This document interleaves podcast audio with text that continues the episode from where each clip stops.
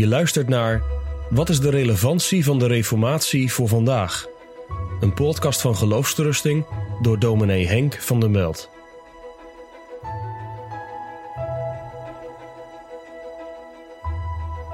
Maarten Luther heeft gaandeweg steeds helderder zicht gekregen op het evangelie van Jezus Christus. In de 95 stellingen zie je het al een beetje doorschemeren. Zijn verzet tegen het verkopen van aflaten, omdat hij bang was dat de mensen zouden denken dat ze op die manier de genade van God voor geld zouden kunnen krijgen. Maar in de 95 stellingen neemt Maarten Luther nog niet helemaal afstand van de aflaat als zodanig. En van het achterliggende idee dat het inderdaad mogelijk is dat de kerk je vrijstelling geeft van de genoegdoening voor je zonden.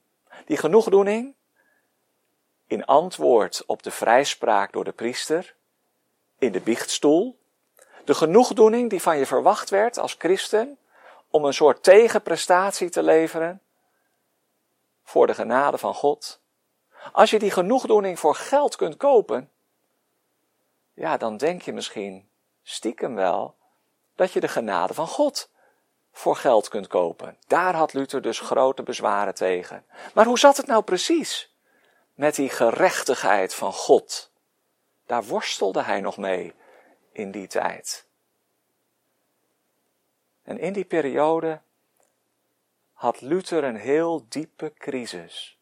Een ervaring die hij nooit zou vergeten. Een ervaring eigenlijk te intens en te intiem om goed onder woorden te brengen. Pas jaren later schrijft hij daarover. En we kennen die ervaring als de zogenaamde Turm-erlebnis. De ervaring in de toren. In het kamertje, in het klooster, het torenkamertje, bestudeerde Maarten Luther de Romeinenbrief. Romeinen 1. Over de gerechtigheid van God. En hij schrijft, ik haatte het woord gerechtigheid. Hij had er zo'n hekel aan. Omdat hij alleen maar kon denken aan Gods gerechtigheid in de termen van straf en beloning. Totdat hij bij het lezen van die tekst de rechtvaardige zal leven uit zijn geloof, ontdekte dat de gerechtigheid van God een geschenk is niet iets wat wij moeten verdienen. Niet de gerechtigheid waarmee God ons straft en met ons afrekent. Maar een cadeau. Een gave. In de belofte van het evangelie geeft God de gerechtigheid van Jezus Christus. En het enige wat je kunt doen is met een lege hand, met een leeg hart, die gerechtigheid ontvangen. Nou, die herontdekking van het evangelie van Jezus Christus. Zoals de apostel Paulus dat ontdekt had vanuit Habakkuk 2. De rechtvaardige zal leven door het geloof. Die herontdekking is de kern van de reformatie.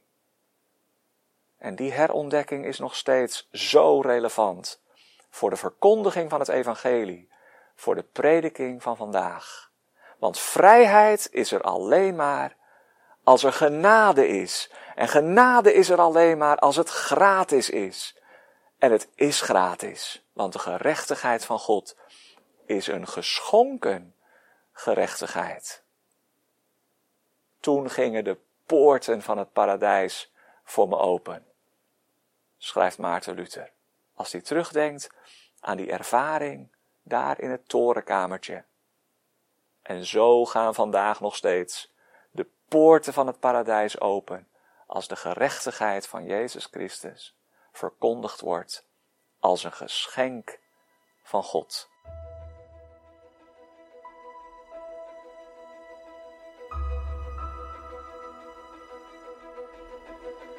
Je luisterde naar een podcast van Geloofsterusting.